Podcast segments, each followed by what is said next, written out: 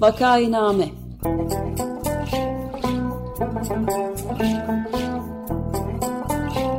Salgın günlerinde memleket manzaraları. Hazırlayan ve sunanlar Güven Güzeldere, Ömer Madra ve Özlem Tekin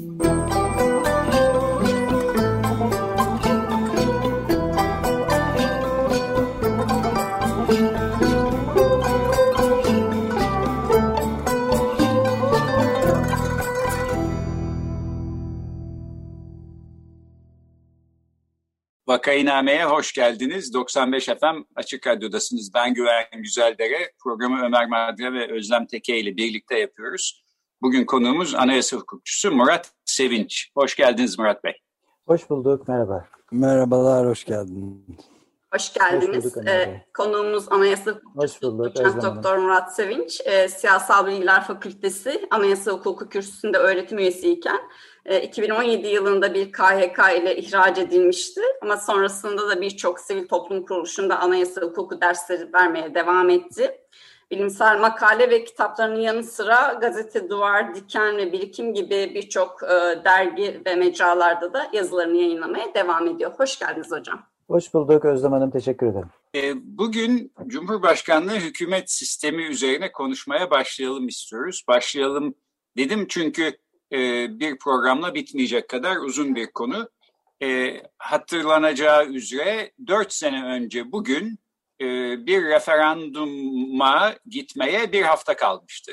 Gidip oyumuzu kullanacaktık. Parlamenter sistemde devam mı edelim yoksa Cumhurbaşkanlığı hükümet sistemi denilen ya da Türk tipi Cumhurbaşkanlık sistemi denilen filan bize özgü yerli milli e, güçler e, birliğini merkeze alan yani tek bir kişinin elindeki güçleri daha da e, kuvvetlendirme ilkesiyle hareket eden bir sisteme mi geçecektik? E, şimdi şunu da tabii hiçbir zaman unutmamak gerekir diye düşünüyorum. E, Yüksek Seçim Kurulu seçim gününde bir takım acayip daha önce yapmadığı şeyler yaptı. Bunları yapmasaydı seçimin sonucu değişir miydi? Bunu bilmiyoruz. Ee, ama yaklaşık yüzde 51 buçuğa yüzde 48 buçukluk bir oy e, ile e, referandum geçti. O günden sonra yeni bir cumhurbaşkanlığı hükümet sistemi bir sisteme geçmiş olduk. E, Murat Sevinç Anayasa Hukukçusu hukuki konulardan yola çıkarak bu sistemin ne olduğunu anlatmak üzere e, geçen senenin yani 2020'nin Ocak ayında bir yazı dizisine başlamıştı. Cumhurbaşkanlığı hükümet sistemi sahipsizdir ilk e, yazının başlığı ve diyordu ki birkaç yazı devam edecek. E, bu kısa dizide Cumhurbaşkanlığı hükümet sisteminin anayasa tarihimiz içindeki yerini, anlamını, muhtemel geleceğini tartışmaya çalışacağım.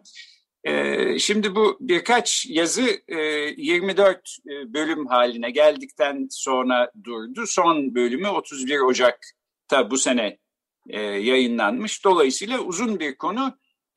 Pek çok yönü var. Yani hem tarihçesi ilginç hem bundan sonra nereye gidebilir meselesi var. Hem karşılaştırmalı olarak başka ülkelerdeki sistemlerle ne şekilde kıyaslanabilir e, sorusu var. Bunların hepsini bu yazılarda Murat Sevinç ele alıyor. Ben de e, programın Twitter duyurusunda paylaştım. Oradan e, okunmasını canı gönülden öneririm.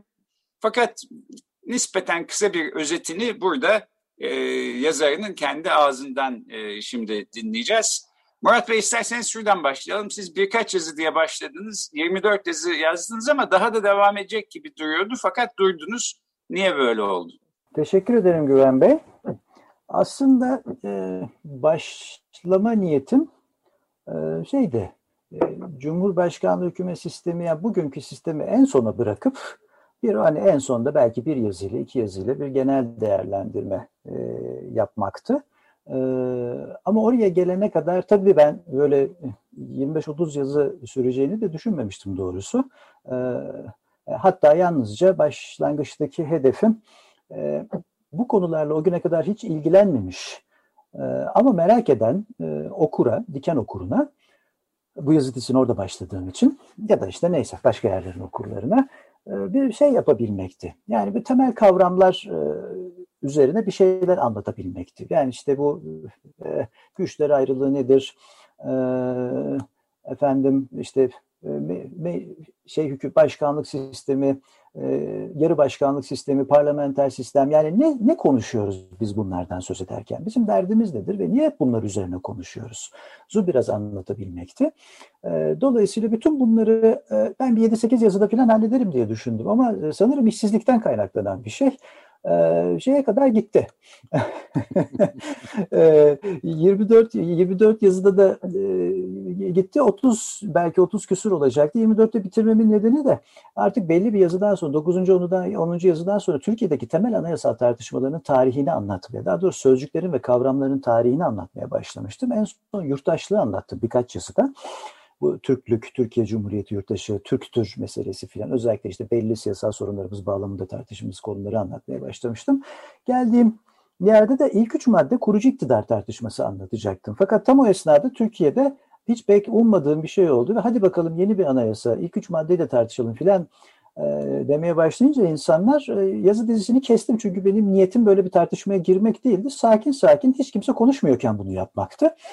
Ee, yani sakin anlatabilmekti. Bir tartışmanın içinde yer almak değil. Baktım ki e, bu olmayacak. Bu koşullarda şimdi ne yazsam bu anayasa tartışmasına dahil oluyormuş gibi duracağım. O yüzden 24. yazıda kestim ve şeye bıraktım. Nasılsa yine durulur e, bugünler e, sonra devam ederim diye. Ama temel hedefim dediğim gibi bu konular doktoru, mühendisi, öğrencisi şimdi bu konularla doğal olarak daha önce hiç ilgilenmemiş ama merak eden ve hep duyan, işiten insanlar var. Onlara e, ne üzerine konuşuyoruz anlatabilmekti. Temel kavramları anlatabilmekti ve o kavramların doğduğu ülkelerin de çok kısaca tarihini anlatmaya çalıştım. İşte parlamenter sistem İngilizlerin icadı, başkanlık sistemi Amerikalıların icadı. Nasıl icat olundu ve neden oldu? E, efendim ee, yarı başkanlık Fransızların ee, ve işte e, sonra dedim hadi e, başlamışken Almanya'yı ve bizim için e, daha önemli olan İspanya'yı, o da işte bölgeli devlet olduğu için ve Türkiye'deki bir takım siyasal şeylerde, polemiklerde adı geçtiği için İspanya'yı anlattım filan kısaca ama hepsini çok kısaca zaten hepsi üzerinde çok derinlemesine şeyler yazabilecek biri de değilim işin doğrusu ama işte bildiğimce kısaca anlatmaya çalıştım bu sistemleri.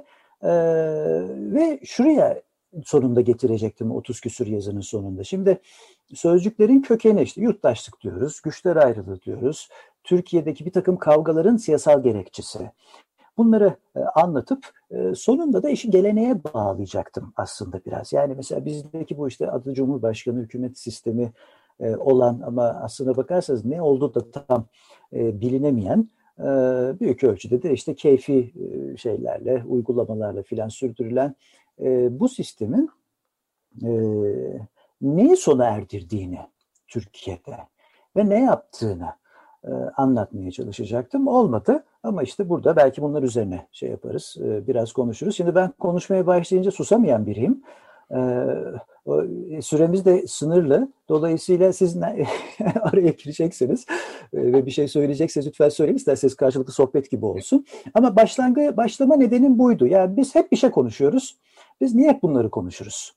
E, çünkü özür dilerim mesela bunu söyleyeyim isterseniz ondan sonra siz şey yapın. Mesela güçlendirilmiş parlamenter sistem değil mi? En, en son duyduğumuz şeylerden biri son zamanlarda. Ne demek bu? Yani şimdi güçlendirilmiş parlamenter sistem diye bir sistem yok aslında dünya üzerinde. E, niye şimdi Türkiye'de durup dururken bu parlamenter sistemin başında güçlendirilmiş e, koydular? Kas, kasıtları ne?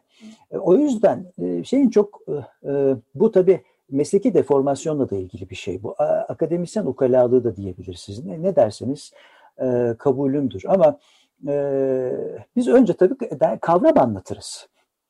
Çünkü kavramlar e, arasında bir e, şeye varmadığımızda e, aslında hiçbir şey anlatamıyoruz. Bir böyle nasıl diyeyim hani birbirini dinlemeyen, duymayan, ne dediği hakkında fikri olmayan insanların tuhaf kavgasına tanık oluyoruz. Yani parlamenter sistem dediğiniz şeyin iki tane kuralı vardır. Dünyanın en basit şeyidir. Ama kastedilen parlamenter demokrasi ise e, o tür 100 yıldır Türkiye'de yerleştirilmeye çalışılıyor. Ya o başka bir şey. Yani yoksa Türkiye parlamenter sistemin e, ana kuralını ta 1909'da kabul etti. Kanun esası da yapılan değişiklikle kabul etti. Eh 21, 24, 61, 82 hala parlamenter demokrasiyi e, yerleştirmeye çalışıyoruz. Güçlendirilmiş parlamenter sistemden kasıt buysa peki. Parlamenter demokrasi ise peki. Ama işte oradaki e, de, demokrasiyi bir tarafa bırakıp da güçlendirilmiş parlamenter sistem e şeye dönelim tekrar. İşte peki e, e tarafsız cumhurbaşkanı meclis seçsin filan. E zaten öyleydi. Ve o zaman da biz ciddi demokrasi sorunları yaşıyorduk. İşte benim sözcüklerin tarihini e, anlatmaya başlamamın nedeni de bu oldu. Çünkü ne bileyim bizdeki yani e, anayasal e, kavgalar e, şimdi bu e, özellikle e, Ömer Bey için çok şey e, ifade edecektir. E, Mümtaz Hoca'yı e, iyi tanıdığını tahmin ediyorum. Şimdi Mümtaz evet. Soysal'ın muhteşem anayasa okumalarından biridir. Anayasaları yaşatan içlerindeki sözcükler değil dışarılarındaki hayattır. E, bu benim tanık olduğu bugüne kadar hakikaten en iyi okumalardan biri. E, sürekli sözcükler üzerine konuştuğumuzda ama onların tarihi üzerine konuşmadığımızda siyasal kavgaların hepsini metinlere havale ediyoruz. Türkiye'deki hukuk tartışmalarının hep bir böyle kayıkçı kavgası gibi devam etmesi ve hiç e, düzgün bir yere varamamasının temel nedenlerinden biri bu. Sorunun temelinde siyasal bir e, şey var, açmaz var ama onu görmezden gelip onun üzerine konuşmaktansa e, e işte o hukuk kuralını değiştirirsek, e, o cümleyi değiştirirsek, onun yerine şu cümleyi ve şu sözcüğü koyarsak sorun çözülür e, deniyor. E, oysa işte çözülmediği belli. Yani yıllardır aynı şeyleri konuşuyorsak ve bir takım sorunlar derinleştiyse demek ki metinlerin dışına çıkmamız lazım. Sözcüklerin dışına çıkmamız lazım. Emin olun bugünkü bu tuhaf sistem bile e, bana kalırsa çok zor ama e, mesela daha demokratik bir yönetimde bu kadar sorun çıkarmayabilir. Anlatabiliyor muyum? Yani şu anda Türkiye'de e, gösteri yapmak için, barışçıl gösteri yapmak için her bir araya gelen dört kişiye gidin de gaz sıkın e, ve insanları nefes alamaz hale getirin diyen bir hukuk kuralı yok. E, yani nasıl uygularsanız, e, anlatabiliyor muyum? Şimdi diyor ki kamu düzenini sağlamaya çalışıyoruz diyor. E, o kavram e, Güven Bey sizin yaşadığınız ülkede de var. E, Fransa'da da var, İngiltere'de de var. E, ama e, bir yerde işte bir milyon insan barışçıl gösteri yapabiliyorken Türkiye'de e, bunu aklınıza dahi getirdiğinizde e, bir yasakla e, ve şeyle karşılaşıyorsunuz, bir e, şiddetle karşılaşıyorsunuz. Dolayısıyla e, sözcükler önemsizdir, anayasa metinleri önemsizdir demiyorum, önemlidir. Ama onların tarihi üzerine düşünmeden ve kavramlar üzerine düşünmeden e, işte böyle ve aynı şeyleri konuşuruz dururuz. Şimdi de işte sürekli güçlendirilmiş parlamenter sistem deniyor. Ben de yazılarımda e, bu e, şeyi Türkiye'de çok dile getirenler e, okuyor mu bilmiyorum. Belki darılıyorlardır ama amacım onları kırmak değil. E, o sistemden bahsederken boncuklu parlamenter sistem falan gibi şeyler söylüyorum. E, ama derdim bu. Derdim bu. Yani e, parlamenter demokrasi e, hedefi olmalı Türkiye'nin.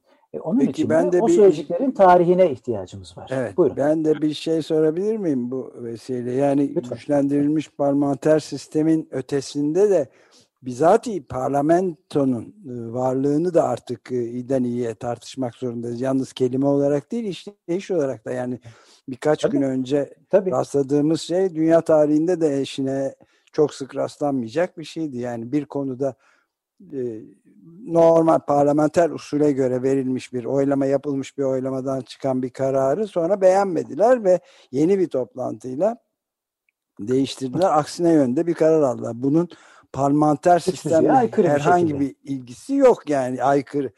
Dahası bence bir de şey de çok tuhaf değil mi? Yani o da çok yeni bir kavram isteseniz de istemeseniz de e, diyor. Mesela Kanal İstanbul benim özellikle çok üzerinde durduğum e, bence bütün e, İstanbul'da ve Türkiye'de yaşayan vatandaşların, normal vatandaşların e, bütün e, çoluk çocuk kuşaklar boyu hayatını etkileyecek ve derinlemesine etkileyecek bir senaryoyu getiriyor. Yani bir proje onu isteseniz de istemeseniz de yapacağız şeklinde bir açıklaması var Cumhurbaşkanı'nın. Bunun herhangi bir demokratik ya da parlamenter sistemle nasıl ilgisi olabilir? Yani istemiyorsa vatandaşlar nasıl yaparsınız? Yani? E işte e, Bey siz isteyin.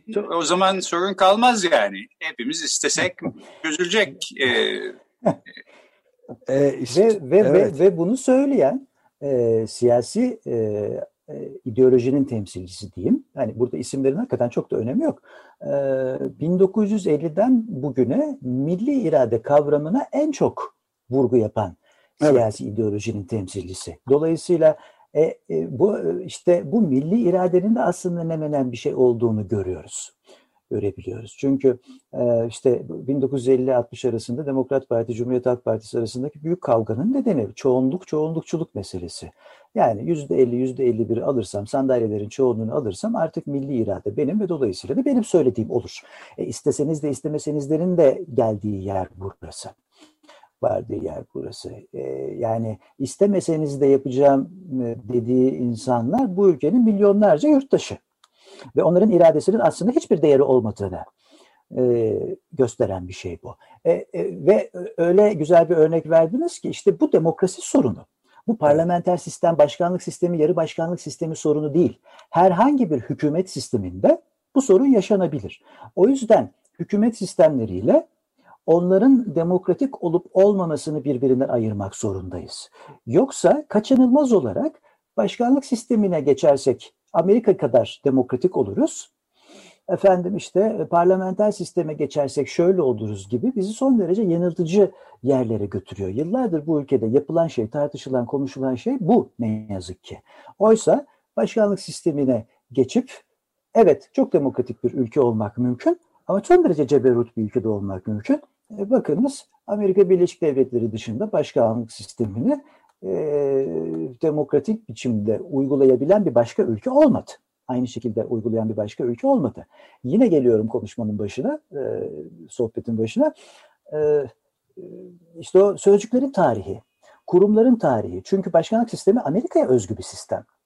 Orada doğmuş, oranın koşullarında doğmuş, orada gelişmiş e, oranın siyasal kültürü, oranın e, parti yapısı, oranın sınıfsal yapısı, oranın hakim inancı vesaire bunların hepsini yani siyasal düzenin bütün unsurları bir araya geldiğinde işleyebildi. Ha işleyebildi diyoruz ama bakın Trump canını da okudu sistemi. E, evet peki okudu ama dört yılın sonunda da işte gönderdiler. Gönderdiler. Mesela o sistem o çılgınlığa daha fazla dayanmadı. Dayanabilirdi. Az daha kazanabilirdi filan. E tamam o zaman başka şeyler görebilirdik. Daha tatsız şeyler görebilirdik filan ama ee, bu e, nitelikler, ülkelerin nitelikleri e, göz önünde bulundurulmadan yapılacak her düzenleme aynı şeye, aynı sonuca neden olabilir. O yüzden parlamenter sistem İngiltere'deki gibi ya da demokrasilerin çoğunluğunda olduğu gibi doğrudan demokrasi yaratmıyor. Yarı başkanlık ya da başkanlık da yaratmıyor. Hiçbir hükümet sisteminin sonucu demokratik olmak zorunda değil. Demokrasiyi yaratan başka nitelikler var. O sizin söylediğiniz şey. Bir kanalı yaparken bir zahmet e, hani tabii ki onu yapmamak ama illa yapılacaksa da örneğin demokratik bir ortamda bu tip şeyler yapılacaksa herkesin bilgilendirilmesi, işin ehli insanlar tarafından bilgilendirilmesi, ondan sonra insanlara sorulması, bunu yalnızca büyük şehirlerde değil, mahallede de böyle bir karar alırken insanları ciddiye almak, yani yönetime katmak. Evet yani Şimdi, aynı örnekten hareket edecek olursak itirazların e, değerlendirilmesi için işte 20'sine kadar mı ne bir süre var. Bu Kanal İstanbul'dan bahsediyorum tekrar. Hı hı. Ve insanlar adeta e, ilk değerlendirmede çevresel etki ÇED raporu değerlendirilmesinde kuyruklar olmuşlardı yağmur, çamur tabii, demeden. Tabii ben onu da yazmıştım. Harika bir yurttaşlık evet. gösterisi diye. Tabii ama evet, enderdi ama hiç ciddiye, fakat hiç ciddiye alınmıyor bunlar. Evet ve şimdi de bu de, itiraz süresi içinde bile tam da bu söyleniyor. İstesen de itiraz etsen de olur, olmasan da diyor. Nasılsa yapacağız diye net evet, bir şekilde koyuyor. Evet çünkü bir işte, de bir temel kavram daha soracağım. Ee, e, Türkiye'de en çok bu yeni dönemde güçlendirilmiş parlamenter mi artık başkanlık mı nasıl deniz bilmiyorum en çok kullanılan bu AKP iktidarı sırasında kullanılan şeyin e, te, terimin had meselesi, had bildirmek. Yani bir sınırları var. Onları kendileri belirliyorlar ama. Yani evet. haddini bil, sözünden geçilmiyor herhangi bir tartışmada. Hı hı. Hangisi olursa olsun işte amirallerin itirazı da olsa hadlerini birisi bildiriyor. Herkes birbirine had bildiriyor. Ama o hadlerin, sınırların hiçbir şekilde ne olduğu Ve nerede belirleniyor bu sınırlar ve demokraside had nedir? Bu hiç tartışılmıyor yani. Had, e, had haddi bildiren tarafından belirleniyor Türkiye'de. Evet. Dolayısıyla son derece konforlu bir alan. Diyor ki bir çizgi bu. Bu çizgiyi ben çizdim. Bu çizginin dışına çıkamazsın. Şimdi e, başa döneyim. Örneğin parlamenter sistem tartışıyorsak eğer parlamenter sistem dediğimiz şey e, iki niteliği vardır. E, iki başlı yürütme, devlet başkanı ve hükümet ve ikinci niteliği de e, o hükümetin meclise karşı sorumlu olması. Başkanlıktan farklı olarak biliyorsunuz e, bakanlar başkanlıkta başkana karşı sorumludur. Parlamenter sistemde meclise karşı sorumludur. İşte gen soru, meclis araştırması, meclis soruşturması hepsi oradan çıkar. E, bir de iki başlıdır. İki başlının bir başı da e, büyük ölçüde sembolik etkilerle donatılmıştır. İşte mucidi olan İngiltere. Bunu isterseniz sonraki programda bunları biraz daha ayrıntılı konuşuruz. Parlamente, parlamentolu bir sistemi, parlamenter sistem haline getiren yalnızca bu iki nitelik. Başka hiçbir özelliği yok parlamenter sistemin. Geri kalan her şey o sistemin iyi işlemesi ve demokratik bir biçimde işlemesiyle ilgilidir. Dolayısıyla geri kalan her şey parlamenter sistem değil, parlamenter demokrasiyle. Yani demokratikleşmeyle ilgilidir. Güçlendirilmiş parlamenterizmdeki güçlendirilmiş sıfatını da ben böyle algılamayı istiyorum. Çünkü böyle algılamazsanız hakikat hiçbir manası yok. Yani yurttaşların her düzeyde yönetime katılabileceği, meclisin güçlü olduğu, kararların böyle gayri ciddi biçimde alınmadığı e, filan işte katılımcı bir e, bir sistem pek çok yerde örneği olduğu gibi. E, böyle böyle bakmak zorundayız bütün bu sistem tartışmasına. E, e, böyle baktığınız andan itibaren de işte o yazı dizisindeki sözcüklerin tarihi meselesine geliyoruz. Türkiye'deki yurttaşlık tartışması, Türkiye'deki inanç tartışması. Şimdi Türkiye'deki e, laiklik tartışmasının yalnızca anayasadaki terminolojiyle bir ilgisi var mı? Bakın, Ramaz bakın Ramazan'da e, lokantalar kapalı. Mesela niye bugün değil? Niye Ramazan'da kapalı lokantalar? E, bakın ne kadar kısa bir süre içinde insanlar e, hafta sonu e, hafta sonu değil mi marketlerde mesela içki satışı yasak. Evet. Nasıl mesela kanıksandı çok kısa bir süre içinde. E, işte e, ne laflar duyuyoruz, ne değerlendirmeler duyuyoruz din ve devlet ilişkisine ilişkin filan. İdarenin e, inançlar karşısındaki yansızlığı ilkesi tümüyle terk edilmiş durumda. E, işin matrak tarafı muhalefet de uydu. E, hepsi ben daha dindirim yarışına girdi. Şimdi insanların inancı neye inanıp inanmadığı beni ilgilendirmez ama idare, idare bütün inançlar karşısında yansız olmalı. Şimdi bu Türkiye'de tarihsel bir sorun, siyasal bir sorun. Bunu yalnızca e, anayasada laiklik yazmasın da efendim özgürlükçü laiklik yazsın. E, ne olacak yani özgürlükçü laiklik yazınca? O yüzden işte böyle boncuklu falan gibi zamanda zaman zaman gayri ciddi şeyler yazıyorum. Yani e, o kadar terimler üzerine e, düşünüyorlar ki oysa Türkiye'deki e, laiklik uygulamalarının bambaşka bir tarihi var. Bambaşka bir tarihi var yani. Aynı şey yurttaşlık için geçerli. İşte Türk mü olsun, Türkiye Cumhuriyeti yurttaşı mı olsun, Türk denir mi olsun. E, çünkü o bir siyasal kavga ve tarihsel bir kavga. Bunlar üzerine düşünmediğimiz ve konuşmadığımız sürece dönüyoruz dolaşıyoruz. E, sistemlerin teknik niteliklerine takılıyoruz. İşin doğrusu bu da hukukçuların çok sevdiği bir şey. Çok sevdiği bir şey. Yani e, bizim dünyamız e, uzun uzun teknik hukuk tartışması yapmayı çok sever. Bu çok değerlidir kabul. Hiçbir itirazım yok. Ee, ben de çok anlattım, okudum filan böyle şeyleri derslerde ama e, sorunun kökeni o değil. Yani şimdi örneğin HDP hakkında açılan e, ya da açılamadı henüz de diyelim ki açıldı kapatma davasını yalnızca siyasi partiler kanununun hükümleri ya da anayasanın 69. maddesi bağlamında konuşabilir miyiz, tartışabilir miyiz? Böyle bir şey mümkün mü? Ee, televizyonlarda filan insanlar böyle şeyler yapıyor. Ne ilgisi var? Bu Kürt sorunuyla ilgili bir şey. Devletin Kürt sorununa bakışıyla, yaklaşımıyla ilgili bir şey filan. Yani bütün anayasal sorunlara e, bu çerçevede yaklaşmak zorundayız ve sistem tartışmalarını da bu şekilde sürdürmek zorundayız. E, galiba Güven Bey siz bir şey söyleyeceksiniz. Yok hayır ben yani programın sonuna geliyoruz toparlayacak bir iki cümle edeceğim ama sizi kesmiş olmayayım. Buyurun. Yani e, ben belki ona e, bir şey yaparım. Yani e, peki şunu söyleyeyim ondan sonra isterseniz siz toparlayın. Herhalde bir dakikam var. E, öyle görüyorum. E, şimdi önümüzdeki hafta e, buna geliriz ama e, anayasal sistemler açısından e, en önemli unsurlardan biri, onları ayakta tutan ve demokratikleşmesini de sağlayan en önemli unsurlar, unsurlardan biri gelenektir. E, geleneksiz bir e, anayasal düzen yok. E, ne yazık ki Cumhurbaşkanlığı hükümet sistemi denilen bu 2017 Nisan'ında kabul ettiğimiz ve 2018'de e, tümüyle yürürlüğe giren bu sistem bütün gelenekleri akıl almaz bir biçimde ortadan kaldırdı. Yani bunu e, dediğim gibi önümüzdeki hafta daha ayrıntılı konuşuruz. Ee, yani e, ya tahammül edemiyorum mesela ben bunu düşündükçe. Nasıl olur da bir ülkenin bütün anayasal gelenekleri, e, devleti devlet yapan iskelet olan bürokratik gelenekleri e, böyle çöpe atılabilir, böyle yok sayılabilir. Yani bunu bunu kabullenmek kabullenmek mümkün değil. Geleneksiz anayasal düzen yoktur, yoktur. O yüzden örneğin Amerikalılar e, başkanlık sisteminde yaşadığı sorunları o sistem içinde yaptıkları, e, yapacakları düzenlemelerle e, gidermeye çalışıyorlar. Fransa bambaşka bir macera Fransa ama İngiliz değil mi? Parlamenter sistemin işte ana vatanı İngiltere. bakın ne yaptılar? şey zavallı başbakan dedi ki bir iki ay geç açalım meclisi. E, kraliçe de zaten kraliçenin işi onaylamak onun söylediklerini. E, ortalık birbirine girdi. İnsanlar gitti parlamentonun önünde toplantı milletvekilleri parlamentoda e, biz buradan çıkmıyoruz. Buyursun gelsin çıkarsınlar bizi. Böyle şey olmaz dedi. İnsanlar isyan etti. İsyan etti. Bakın e, budur İngiltere'yi İngiltere yapan. Britanya demokrasisini demokrasi haline getiren. Bu sahiplenmedir ve bu gelenektir.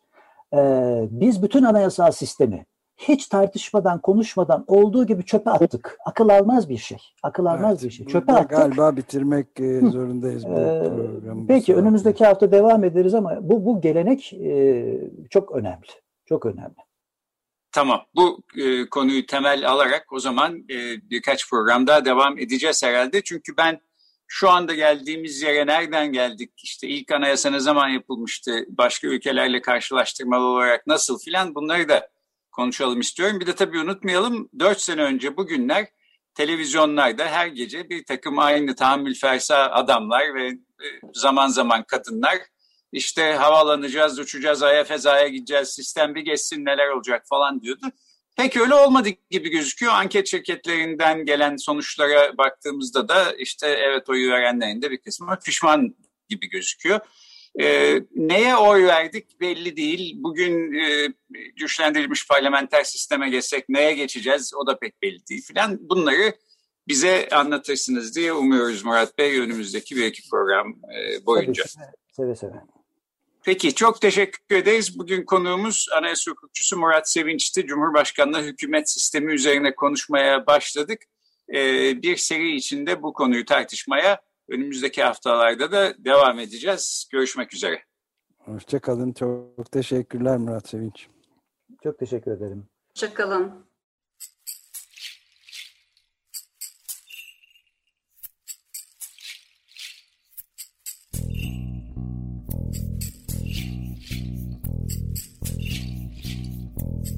Vakainame